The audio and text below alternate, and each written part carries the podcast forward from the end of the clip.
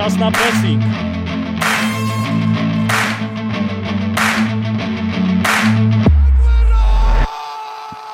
Ale mnie ciary, ciary mnie teraz przeszły, jak to usłyszałem. Matko Boska. Wow. Wow, wow. Bardzo serdecznie w historycznym pierwszym pressingu. Jeji. Je, je. Wita was Krzysiek Jackowski. Julian Kozanecki. No jak ty się czujesz z tym? No, z dawna wypatrzony, wyczekany wreszcie jest y, i y, trzeba się nim rozkoszować. Mam nadzieję, że e, pierwsza audycja to tylko preludium do kolejnych. Tak, e, o czym w ogóle będziemy gadać, e, mówić e, w pressingu.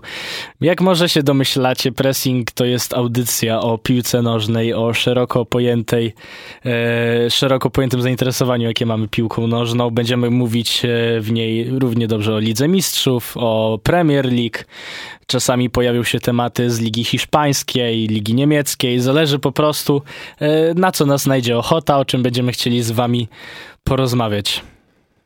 Dokładnie e, będziemy tutaj mówić o wygranych, o przegranych, o największych szczęściarzach i największych pechowcach, e, wielkich trenerach i takich, którzy budują e, coś z niczego. Tak, będziemy oceniać mecze, będziemy oceniać postawę zawodników, recenzować ich przyszłe działania, przewidywać, co ich czeka, co ich, co przed nimi. Naprawdę jestem zestresowany i jestem podekscytowany tym, wybaczcie. No, będziemy po prostu robić taką ekspercką rozmowę o piłce nożnej, trochę pół żartem, pół serio, no bo czasami no, trzeba trochę rozluźnić się, pożartować jednak z zawodników z niektórych sytuacji, bo no, życie, życie na ciągłej powadze jest czasami trochę nudne. Nie uważasz tak, Julek? Pewnie, że tak, e, a tym bardziej w sporcie, gdzie mm, e, radość i e, zabawa jest nieodzownym elementem gry. Chociaż po niektórych meczach, o których dzisiaj porozmawiamy, no jedni mieli bardzo mało radości, byli bardzo dość pokrzywdzeni, no i to było widać po ich twarzach w Jak to niektórych w spotkaniach. futbolu. jak to zawsze w futbolu. No to może powiedzmy, jakie na pewno omówimy dzisiaj spotkania, bo przygotowaliśmy dla was e, dwa, spo, e, dwa wydarzenia. Liga Mistrzów oczywiście, która wydarzyła się we wtorek oraz w środę e, oraz powrócimy sobie pamięcią trochę do weekendowych rozgrywek Premier League, ponieważ e, no, były tam trzy bardzo interesujące i dość duże spotkania. No może jedno stało się takim dopiero po ostatnim gwizdku, Mm, a mianowicie chodzi oczywiście o Liverpool-Brighton. Tottenham Hotspur podejmował na wyjeździe Arsenal Lo- Londyn. No i derby Manchesteru, mojego ukochanego Manchesteru United, które niestety jako dla kibica United skończyły się bardzo tragicznie. Y, I porozmawiamy sobie na ten temat na pewno. No i w Lidze Mistrzów y, omówimy akurat ulubiony klub Juliana, czyli Tak Barcelonę. Porozmawiamy sobie o kontrowersjach związanych z tym spotkaniem, ale też nie omieszkamy zajrzeć e, do Londynu, do niebieskiej części Londynu, e, gdzie Chelsea rozgrywała swoje spotkanie z AC Milanem. A to wszystko dla Was dopiero po krótkiej przerwie.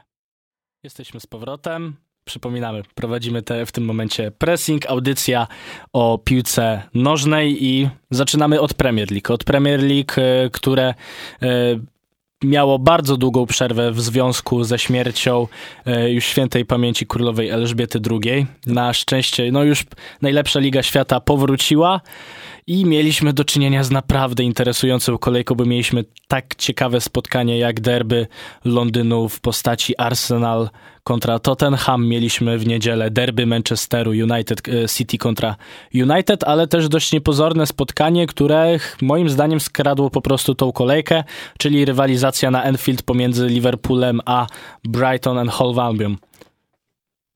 I od czego chcemy zacząć, Julek? Chyba od e, derbów Londynu. Tak, od derbów e, północnego Londynu. O tym, że Arsenal zaczął dobrze ten sezon, to nikomu już nie trzeba powtarzać, ale nie mieli jeszcze w tym sezonie poważnego przeciwnika, z którym mogliby się sprawdzić na swoim poziomie. A United? E, no tak naprawdę e, to był taki... Mm, wtedy United miało kiepski początek, e, kiepski start. To była też drużyna, po której nie wiadomo czego było się spodziewać i tak naprawdę do dzisiejszego dnia nie wiemy, czego możemy się spodziewać po Manchesterze United, który prze, przeplata, przeplata świetne mecze fatalnymi. E, Arsenal zaczął z wysokiego C i cały czas e, chciał pokazać, że utrzyma te tendencje. E, więc zaczął od derbowego spotkania z Tottenhamem. E, od pierwszych minut ten mecz rysował się pod e, dyktando Arsenalu. Tam e, podopieczni Antonio Conte tak naprawdę mm, najlepsze swoje sytuacje mieli w pierwszych 45 minutach. Na drugą połowę to można rzec, że nie wyszli, a system Artety klaruje się i mm, widać, że bardzo dobrze mm, zrobili włodarze Arsenalu, że dali mu e, też trochę czasu. Przecież Arteta też miał wewnętrzne problemy w Arsenalu, że e, nie mógł pozbyć się Ezila, nie mógł pozbyć się Obameyanga, e, miał konflikty z piłkarzami, Granit Czaka już był na wylocie, a teraz jest wiodącą postacią Arsenalu. Widać, że Hiszpan potrzebował czasu, żeby to wszystko ułożyć. No mnie zastanawia przede wszystkim w Tottenhamie skąd się bierze e, tak na dobrą sprawę bardzo słaba forma, bo nie licząc jeszcze, e, bo włącznie z tą porażką z Arsenalem, no to teraz w Lidze Mistrzów rozgrywali e, swoje spotkanie z Eintrachtem Frankfurt, gdzie bezbramkowo je zremisowali po bardzo nudnym, e, bardzo nudnych rozgrywkach i właśnie mnie to zastanawia, skąd się bierze ich ta e, naprawdę przeciętna forma, patrząc na to, jak dużo pieniędzy poświęcili w letnim okienku transferowym na wzmocnienia. Czy to według ciebie jest wina tego, że po prostu brali zawodników którzy tak na dobrą sprawę w drużynach e, pełnili bardziej role drugoplanowe, e, byli bardziej od e, jakichś konkretnych zadań, a teraz muszą w ekipie kogutów pełnić tak na dobrą sprawę wiodące role. Wydaje mi się, że to nie są problemy personalne, o ile Tottenham ma bardziej problemy, e, jeżeli chodzi o indywidualności, ponieważ największe nazwiska zawodzą. Tak naprawdę, kiedy ściągano Richarlisona, to on był w fantastycznej formie i tak na, i można było wnioskować, że mm, nie zmienia ligi, zmienia tylko klub, a mm, ten sposób grania w piłkę po angielsku mu bardzo pasuje. Mm, można było się spodziewać po nim dużo więcej niż teraz. No Hyung Min Son tak naprawdę też nie zaczął tego sezonu wybitnie, nie dokłada tylu liczb, ile dokładać zwykł. E, Harry Kane co prawda gola strzelił, ale po rzucie karnym i tak naprawdę była to jedyna jego okazja w tym meczu do zdobycia bramki, więc ją wykorzystał tak jak Harry Kane zwykł z takimi sytuacjami robić. Myślę, że Antonio Conte przede wszystkim musi odzyskać indywidualności. Po prostu ma piłkarzy pod formą.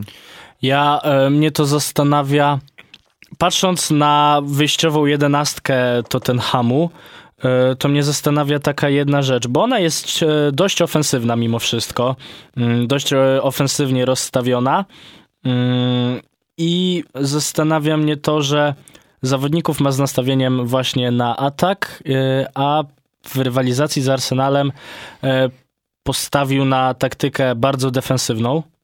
I to właśnie była największa bolączka Kogutów, że oni w tej defensywie bardzo się gubili. Jak e, mógłbyś zauważyć bramki na 1-0, 2-0, 3-0, 1-0, 2-0 i 3-1 mm, Arsenalu, no to tam było po prostu fatalne błędy.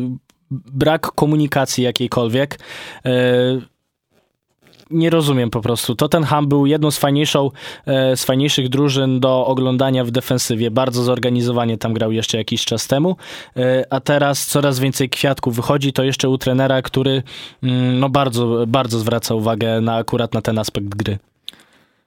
Tak naprawdę Tottenham przyjął mm, postawę klubu, który w tym meczu miał za zadanie grać z kontry i bronić się nisko. Tylko w tej niskiej obronie zabrakło do skoku na 16 metr. No, przy bramce na 1-0 Thomas Partey nie miał prawa mieć tyle wolnej przestrzeni. Uderzył idealnie, technicznie z pierwszej piłki. Mm, wybitne, wybitne uderzenie. Mm, nie miał prawa mieć tyle miejsca wtedy. Powinien być od razu doskok podwojenia no y, czasem można obstawić się 11 w polu karnym, ale wtedy trzeba liczyć się na str- ze strzałami z dystansu i po prostu Partey zrobił to, co w tej sytuacji zrobić powinien. Następny gol to Gabriel Jesus, który walczy do samego końca. No tam pogubili się wszyscy w polu karnym Kogutów, mm, a ten transfer to chyba najważniejszy transfer Arsenalu, o ile nie jeden z ważniejszych mm, transferów e, w Premier League ogólnie w tym okienku transferowym. Na pewno da jeszcze wiele radości na The Emirates Gabriel Jesus. E, ja mam do ciebie takie pytanie. Gdybyśmy już wybrać e, z obu drużyn zawodnika, który najwięcej dał, najwięcej dał swojemu zespołowi w tym spotkaniu i był ich kulą u nogi, to jacy to byliby zawodnicy? W Tottenhamie na pewno kulą u nogi byłby Emerson, ponieważ wyleciał z boiska w sytuacji, w której z boiska no, wylecieć wcale nie musiał i nie powinien. Tym bardziej, że jego drużyna jeszcze wtedy mogła liczyć, Tottenham wtedy, koguty wtedy mogły po prostu liczyć na wyciągnięcie korzystnego rezultatu, a po czerwonej kartce dla Emersona tak właściwie to przestali oni grać. No, nie mieli już żadnej szansy na granie. Natomiast e, bardzo ładnie w drużynie Kogutów spisywał się drugi wahadłowy, Iwan Perisic, który miał parę ciekawych rajdów i mm, wrzutek w pole karne i tak naprawdę każda, każda akcja ofensywna szła jego stroną, bo Emersonowi od początku w tym meczu nie szło. Ja od siebie na pewno wyróżniłbym w Arsenalu ogólnie defensywnych pomocników, czyli Tomasa Parteja i Granita Czakę. Yy, bardzo twardo grali, nie pozostawiali tak na dobrą sprawę yy, pola do popisu ofensywie Tottenhamu na swoich, yy, na swoich pozycjach. Do tego obaj dołożyli po bramce. Tomas Partey fantastyczne uderzenie sprzed pola karnego. Zaskoczył mnie tak na dobrą sprawę taką decyzją. Myślałem, że będzie jeszcze szukać mm, trochę tego rozegrania. Tutaj jednak no, zaskoczył mnie, zaskoczył mnie. No i Graniczaka też dołożył bardzo, bardzo fajną bramkę po ładnej, po ładnej akcji. No i tak samo jak Partey, bardzo solidny mecz e, też w defensywie. No to był po prostu koncert e, Arsenalu i wydaje mi się, że mimo wszystko są kandydatem do mistrzostwa, e, ale osobiście ja, bym, ja nie widzę jeszcze Arsenalu, ponieważ jako mistrza ponieważ no, mają jednego bardzo potężnego rywala. Jeśli chodzi o Manchester City, o którym teraz powiemy, no to to jest po prostu walec. Mm, to na pewno. Y, Arsenal, no, ich zadaniem jest na pewno w tym sezonie Liga Mistrzów. Mm, pierwsza czwórka i wydaje mi się, że powinna być osiągnięta bez problemu. Natomiast im dłużej Arsenal będzie utrzymywał pierwszą lokatę, tym więcej presji będzie wywo wywoływał na rywalach i tym lepiej dla ligi. Tak, to my przechodzimy teraz e, do spotkania derbów Manchesteru, które odbyły się w niedzielę, czyli Manchester City podejmował na Etihad Stadium e, Manchester United. No i mimo wszystko, że czułem w kościach, e, że City to spotkanie zapewne wygra, no to tak na dobrą sprawę nie spodziewałem się takiej deklasacji i naprawdę miernej postawy Czerwonych Diabłów. W najśmielszych oczekiwaniach nie, nie myślałem, że to będzie tak źle wyglądać. Ten mecz e, wydaje mi się, że jest Y, największą skazą Erika Tenhaga na i będzie do końca sezonu. Jeżeli y, dane będzie mu dokończyć ten sezon w Manchesterze, to nie mów tak proszę. To na pewno e, będzie to największa skaza, nieważne jak ten sezon się zakończy, ponieważ Erik Ten Hag przegrał ten mecz z Pepem Guardiolą na każdej płaszczyźnie.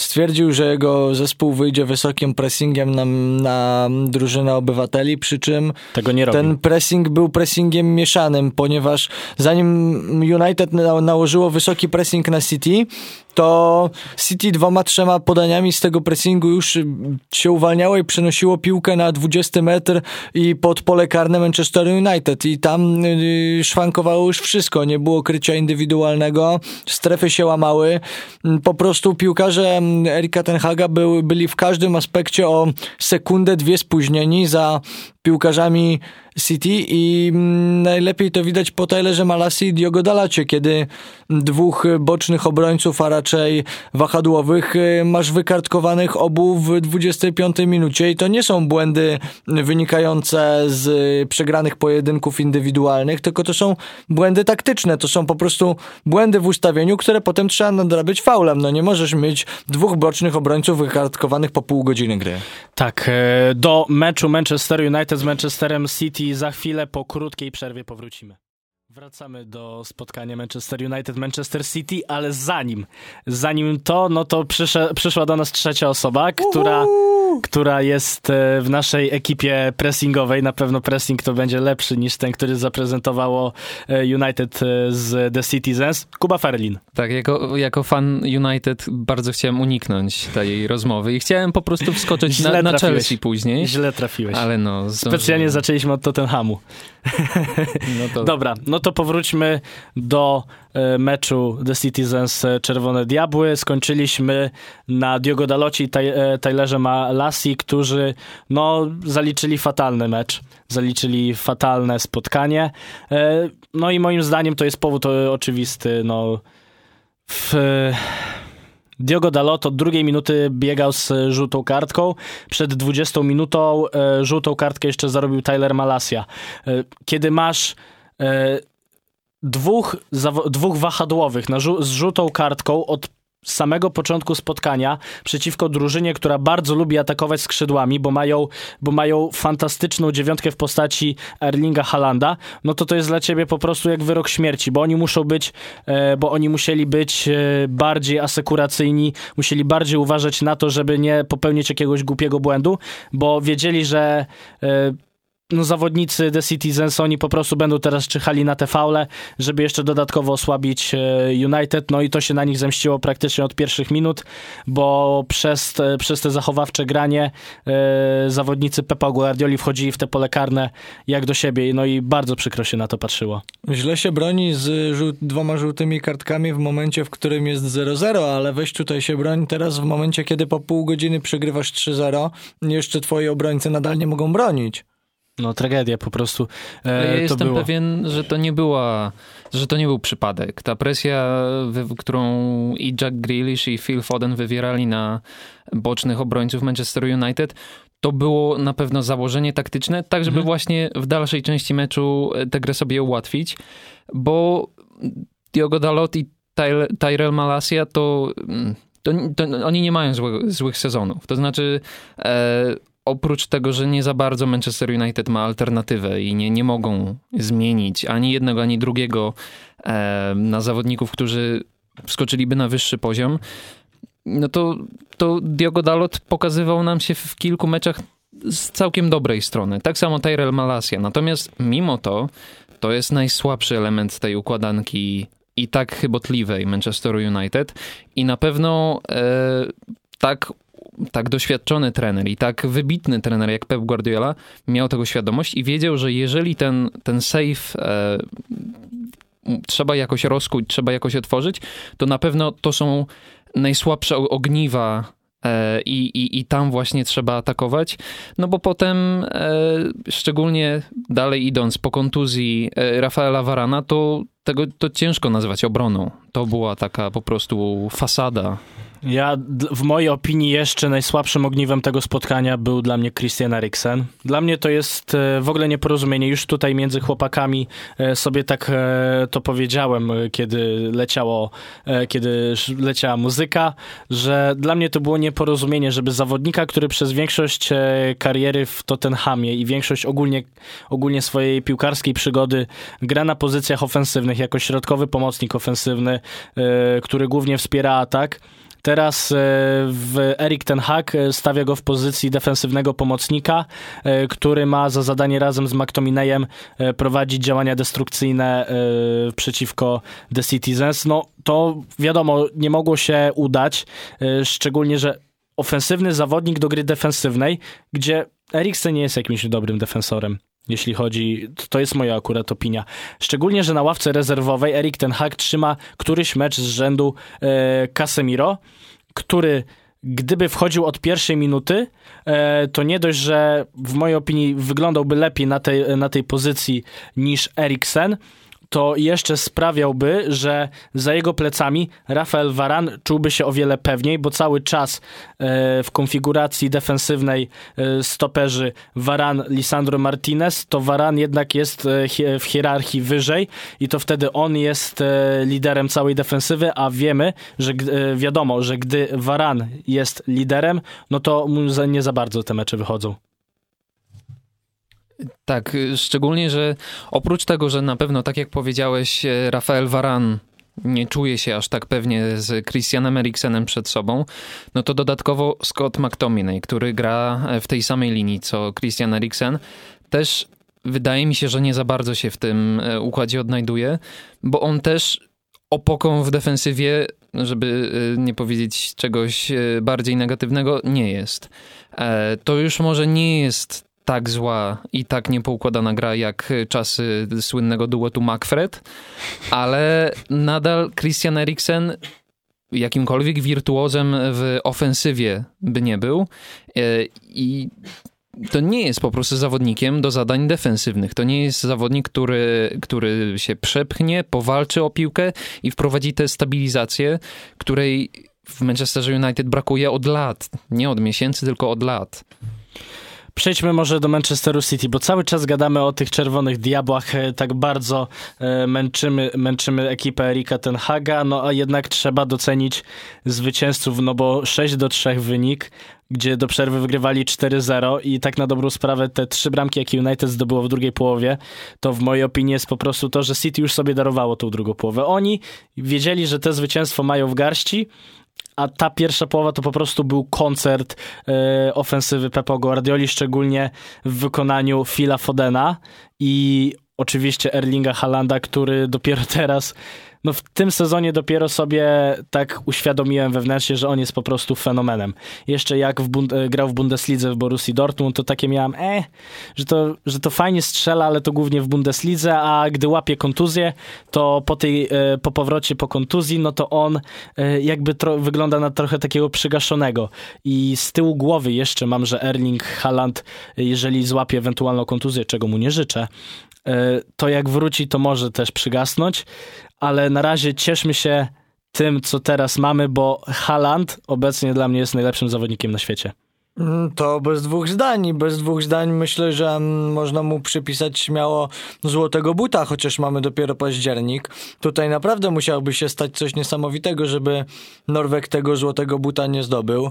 Jest bezdyskusyjnie w tym momencie najlepszym zawodnikiem na świecie. Bezdyskusyjnie y, tyle, ile ma kontaktów z piłką, tyle ma bramek i zamienia wszystko w złoto, a jest y, dopiero niespełna 21-letnim mm, zawodnikiem. Tak, ja w przedsezonowych takich moich y, osobistych y, przewidywaniach wpisałem jako króla strzelców Darwina Nuneza, ale nie dlatego, że jak, ja wiem, że to jest o bardzo człowieku. nietrafny, y, nietrafne przewidywanie, natomiast założyłem, że w pewnym momencie Erling Haaland może po prostu trudów sezonu nie wytrzymać, czego oczywiście ja też mu nie życzę. To tempo, które narzucił sobie, e, jeśli chodzi o zdobycze strzeleckie, mo, na, nie wierzę, że to do, do końca sezonu tak potrwa, bo to wychodzi pewnie tam 48-49 bramek na koniec sezonu, utrzymując ten trend. Natomiast jeśli Erling Haaland e, dotrwa do końca sezonu, nawet zdobywając 3 czwarte bramki na mecz średnio, bo, bo bramka na mecz to już by było spełnienie marzeń, to będzie to będzie sezon historyczny, bo te, takiego Dla debiutu... To już jest sezon historyczny. No, można tak powiedzieć, natomiast e, takiego debiutu w Premier League jeszcze nigdy nie było, ale muszę przyznać, że bardzo mnie zdziwiło, ja wiem, że to nie jest mecz, który dzisiaj omawiamy, natomiast to, że wczoraj Pep Guardiola wystawił Erlinga Halanda na Kopenhagę. Ja nie ryzykowałbym, bo zdecydowanie e, liga w tym roku nie będzie łatwa. Więc Erling Haaland będzie na pewno potrzebny od sierpnia do końcówki maja.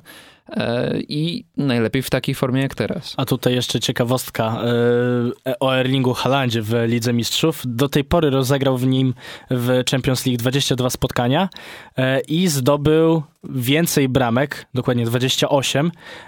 I tych bramek zdobył więcej chociażby od Luisa Suareza, który od w Lidze Mistrzów ile? 10 lat był? Ostatniego wyjazdowego gola w Barcelonie pamiętam, bo to była wielka bolączka Suareza.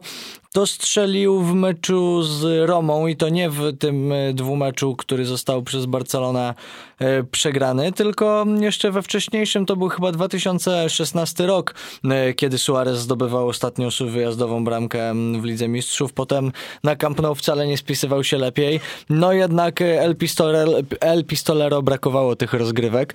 Myślę, że to jest dobry moment, żebyśmy przeszli do Ligi Mistrzów. Tak, przejdźmy do, do Ligi Mistrzów. Do, do rozgrywek europejskich. E, jak już jesteśmy przy Barcelonie, Barcelonie to od niej zacznijmy. Spotkanie z Interem jest o tyle dziwnym spotkaniem e, do oceny, że jeżeli ocenialibyśmy tylko aspekty boiskowe, to byłby to, to nudny mecz. To byłby to mecz nudny i nie byłby to aż taki zły mecz Barcelony. Znaczy, Przegrany, ale nie aż taki zły. Znaczy, przepraszam, że ci przerwę, ale nie nazwałbym go tego nudnym meczem nawet w 100%. To był bardziej taki typowy mecz po włosku.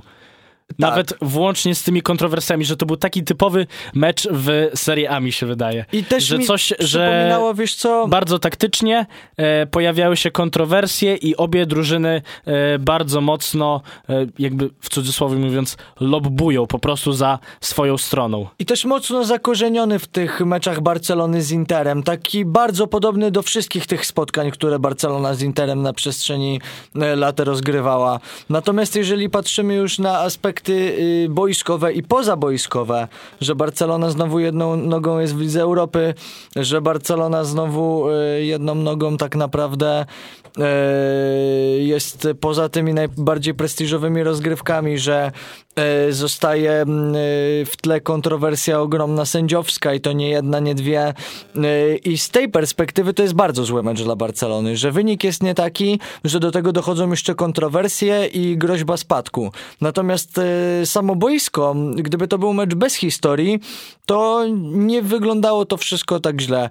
E, ale umówmy się, Czalonoglu z boiska powinien wylecieć i o ile jestem w stanie e, jakby pogodzić się z tym, że jeżeli nie gwiżdżemy ręki u Erika Garcii, E, to i potem gwiżdżemy taką e, rękę jak muśnięcie Ansu Fatiego przy golu Pedriego, a potem znowu nie gwiżdżemy takiej ręki jak ręka Dumfriesa, to to są trzy zupełnie inne zagrania ręką i tutaj żadnych mm, no do takich, do takich sytuacji piłka, piłkarskie przepisy muszą być No to właśnie w tym momencie przejdźmy do zabawy naszej małej, czyli e, Faul czy nie faul? Zróbmy sobie coś takiego właśnie w kontekście meczu Inter-Barcelona. Zacznijmy właśnie od sytuacji Erika Garcia i jego ręki. E, od każdego z was chcę usłyszeć e, tak lub e, nie. Czy była tam ręka? Czy to powinno być gwiźnięte? Można było gwiznąć. Można było gwiznąć. O ile Erika Garcia można było gwiznąć, to gwiznięcie przy bramce na jeden do jednego jest absurdalne. Kuba? Zgadzam się. No ja też zgadzam się, że... Sędzia by się obronił, gdyby podyktował karnego po ręce Erika Garcia. Na, ale natomiast z następnych Właśnie, a teraz rąk... ręka, ręka e, Ansu Fatiego przy bramce Pedriego. No to jest czysty przy... Nie, to, to jest czysty przypadek, to nie, nie ma...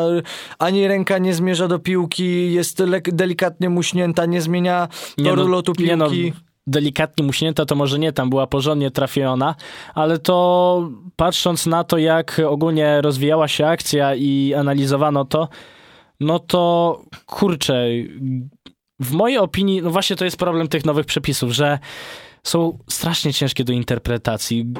Gdyby to był mecz rozgrywany, nie wiem, 10 lat temu, załóżmy sezon 10-11, E, I wydaje mi się, że w tamtych latach e, zagranie ręką było bardziej klarowne. Po prostu w każdej z tych sytuacji. Gwizdało się wszystkie ręki. Gwizdało się każdą rękę. I Eric Garcia, e, i Ansu Fati, i Dumfries, wszyscy by mieli odgwizdane przewinienie po prostu w tych sytuacjach. Natomiast jeżeli mielibyśmy zrobić skalę od najmniej do najbardziej prawdopodobnej, no to najmniej prawdopodobna pewnie byłaby ta Ansu Fatiego. W środku postawilibyśmy tę rękę Erika Garcia, no a już ręka Dumfriesa była no oczywista no właśnie. do Kuba, twoja opinia, najpierw ręka Ansu Fatiego. Gwiznąłbyś czy nie gwiznął?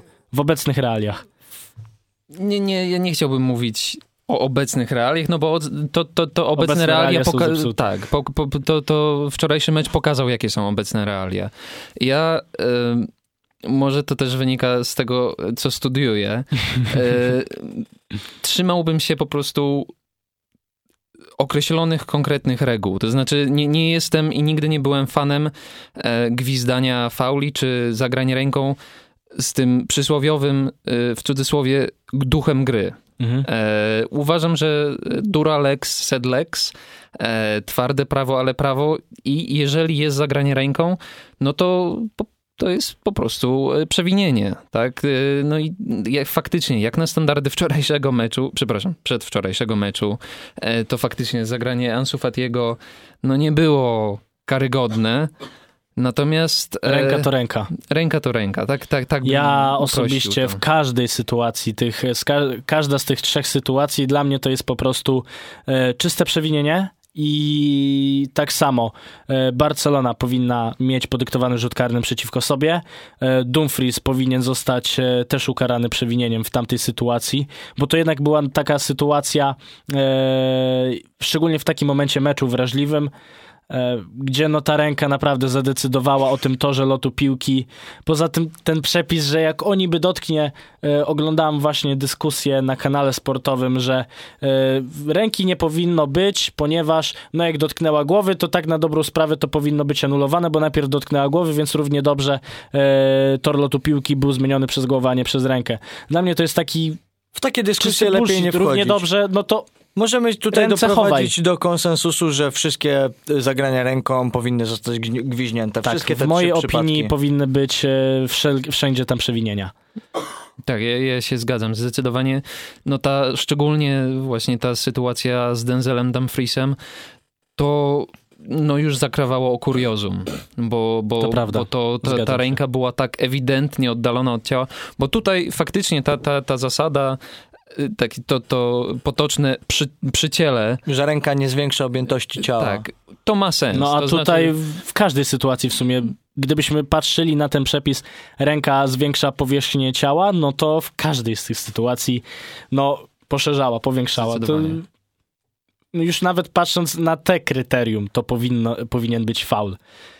No nic, przejdźmy może do czysto piłkarskiego jeszcze stwierdzenia, czy Barcelona bardziej pozwoliła Interowi wygrać ten mecz? Bardziej im pomogli, czy to Inter po prostu przeczytał Barcelonę w tym spotkaniu? Mm, Inter po prostu przeczytał Barcelonę. Barcelona takie mecze w sezonie zawsze ma nawet po bardzo dobrych okresach zawsze Barcelonie przychodzi mecz z drużyną, która strzela jej na 1-0 i muruje.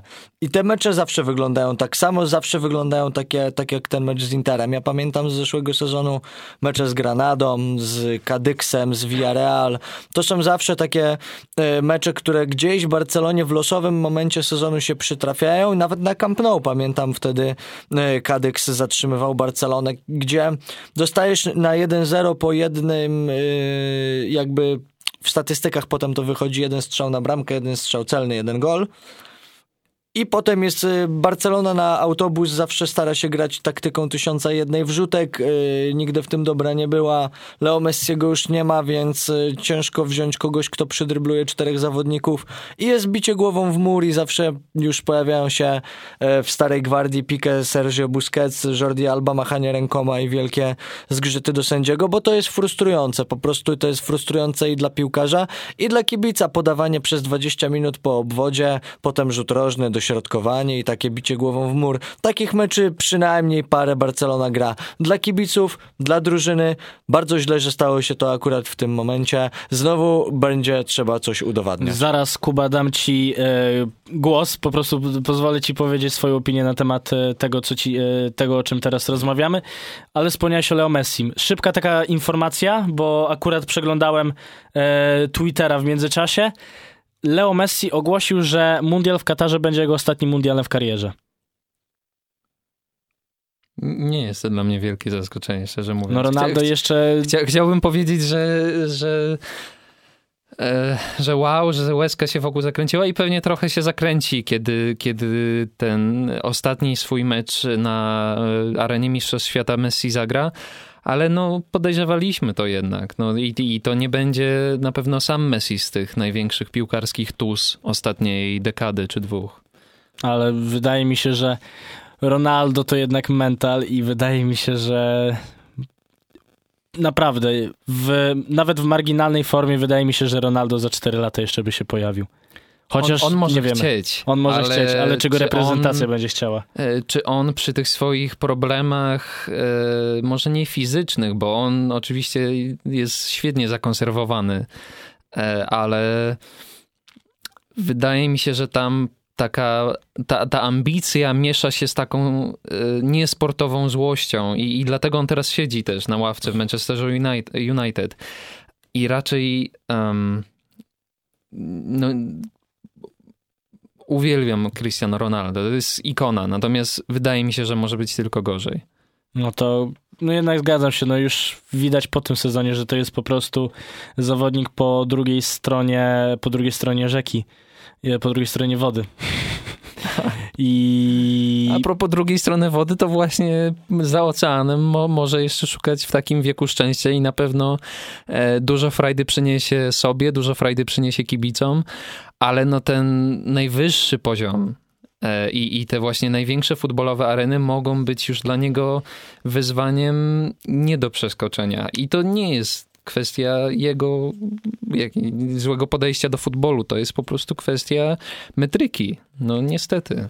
No niestety, niestety. No szkoda trochę, że e, no jednak spodziewamy się tego, ale bardzo będzie szkoda zobaczyć e, ostatni raz Messiego czy Ronaldo w na mundialu. No Julian aż się zaczął za oczy łapać, jakby płakał. O, widzę, widzę. Aż się, aż się za, e, ten wzruszył. Czyli jednak się zakręciła łezka. Może Julek ja nam się aż wzruszył. Cze jakiś czerwony nosek się zrobił i tak dalej, smuteczek. To nie od łez. Dobra, powróćmy. Kuba, ostatnie twoje stwierdzenie na temat meczu Inter-Barcelona. Inter bardziej wygrał to spotkanie, czy Barcelona, e, mu, czy Barcelona im pozwoliła na to? Wydaje mi się, że, że Inter dobrze przemyślał to spotkanie i um, po tym meczu bez historii z Majorką Barcelona była jeszcze troszkę uśpiona i Inter to dobrze wykorzystał. To znaczy też nie zagrali wybitnego meczu, ale um, zagrali po prostu wystarczający mecz. I, i, I tak bym to podsumował. Myślę, że po prostu w tej sytuacji mm, Barcelona ma przed sobą same finały i zobaczymy, mm, bo tutaj trzeba już udźwignąć te mecze mentalnie, bo fizycznie wiadomo, szpital. Tak. Przejdźmy, zostało nam ostatnie 5 minut, niecałe. E, przejdźmy na szybko do meczu Chelsea do meczu Chelsea z AC Milanem. E, druga drużyna z Mediolanu no niestety nie pokazała się. E, parę braków kadrowych, między innymi brak Hernandeza. E, bardzo mocno dał się we znaki. No i bardzo sromotna porażka 3 do 0. Może wynik jakiś nie, niezbyt duży, ale w samej grze różnica klas była bardzo widoczna. Szczególnie właśnie na tej stronie, gdzie brakowało Lukasa Hernandeza. Obie drużyny do tego momentu sezonu grały w kratkę. I wiedziałem, że ten mecz będzie o tyle ciekawy, że obie drużyny będą chciały wrócić na właściwe tory, tylko nie wiedziałem, która bardziej. Chelsea chciała dużo bardziej od Milanu, który nie postawił tak naprawdę żadnych wyzwań, żadnego mm, nie podjął rękawicy w starciu z Londyńczykami. Tam y, tak naprawdę rękawice podjął tylko Rafael Leao, który udowodnił, że mm, no, jest w tym momencie jednym z najlepszych skrzydłowych w Europie. To na pewno, jeżeli potrafi błyszczeć w takim meczu, w którym jest jedynym jasnym punktem swojej Ale drużyny. Ale też nie zrobił zbyt dużo mimo wszystko w tym meczu ale może być z siebie zadowolony, że pokazał się na Stamford Bridge z takiej strony, gdzie tak naprawdę może gdyby nie kontuzje, mm, czy Milan by ten mecz wygrał? Nie, ale myślę, że mm, postawiłby się, postawiłby bardziej. się bardziej, gdyby wyszedł w pełnym składzie. A tak, Chelsea bardziej chciała. Chelsea wiedziała, że to będzie punkt zwrotny, dokręciła mm, śrubę i zamknęła mecz na Stamford Bridge. Tak, jeżeli mówimy o, o meczach, w których jedna drużyna daje wygrać e, drugiej, no to Barcelona i Inter to nie jest taki mecz, ale już AC Milan Chelsea na pewno, bo Milan po prostu nie dojechał. Ale z drugiej strony trzeba oddać, że Chelsea naprawdę też zagrała przyzwoicie i, i, i stwarzali sobie dużo szans. Bardzo mi się podobał Rhys James w tym meczu. I tutaj pytanie takie szybkie dla was jeszcze w te parę minut, mm -hmm. które mamy. W kontekście mundialu, który już przecież e, za niedługo. Trent Alexander-Arnold czy Rhys James? No Na to... dzisiaj Rhys James. Tak, oczywiście, że Rhys James. E, Rhys James, ponieważ e, pomimo problemów, e, jakie Chelsea ma w tym sezonie, mieliśmy nawet taki temat, czy te zwycięstwo będzie bardziej taką maską przykrywającą problemy mm, ekipy ze Stamford Bridge, czy raczej taką odbudową duchową tej ekipy, no to mimo tych problemów Rhys James cały czas prezentuje się bardzo przyzwoicie. Naprawdę podoba mi się ten zawodnik, a Trent Alexander-Arnold naprawdę jak obejrzałem mecz z Brightonem w ten weekend i ja zobaczyłem, w jakie on dziecinne, e, dziecinne błędy podejmował e, w tej obronie, no dzięki niemu stracili co najmniej dwie bramki e, w rywalizacji z Brightonem.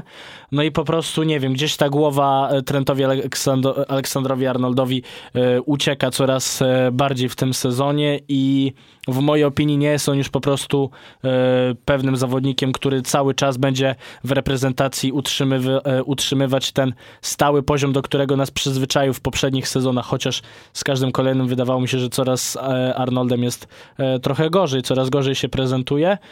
Mm, no i ja bym po prostu stawiał w każdym spotkaniu każde pieniądze na Risa Jamesa. Natomiast każdy selekcjoner ma swoich piłkarzy i swoich żołnierzy i wiemy, że Gareth Southgate najbardziej na prawej obronie lubi jednak grać Kylem Walkerem.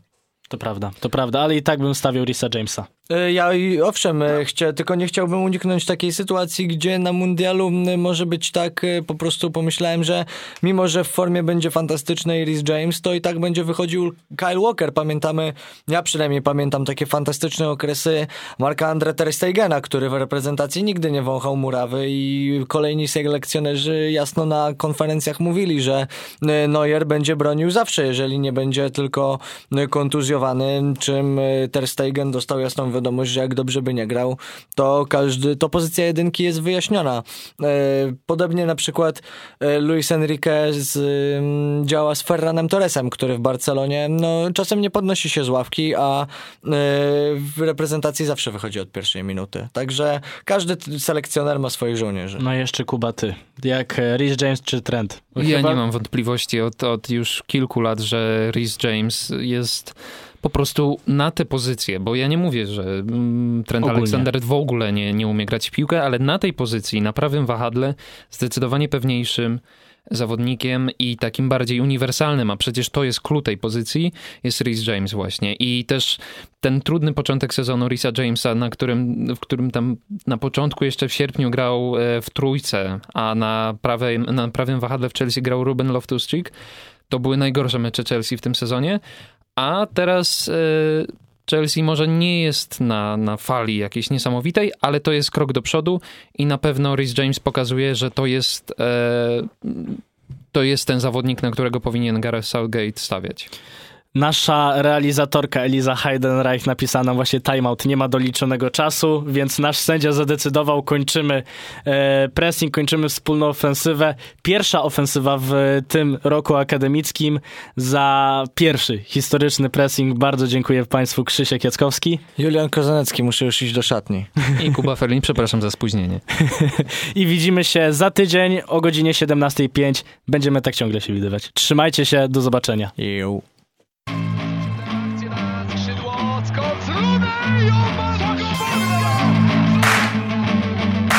Panowie, czas na pressing.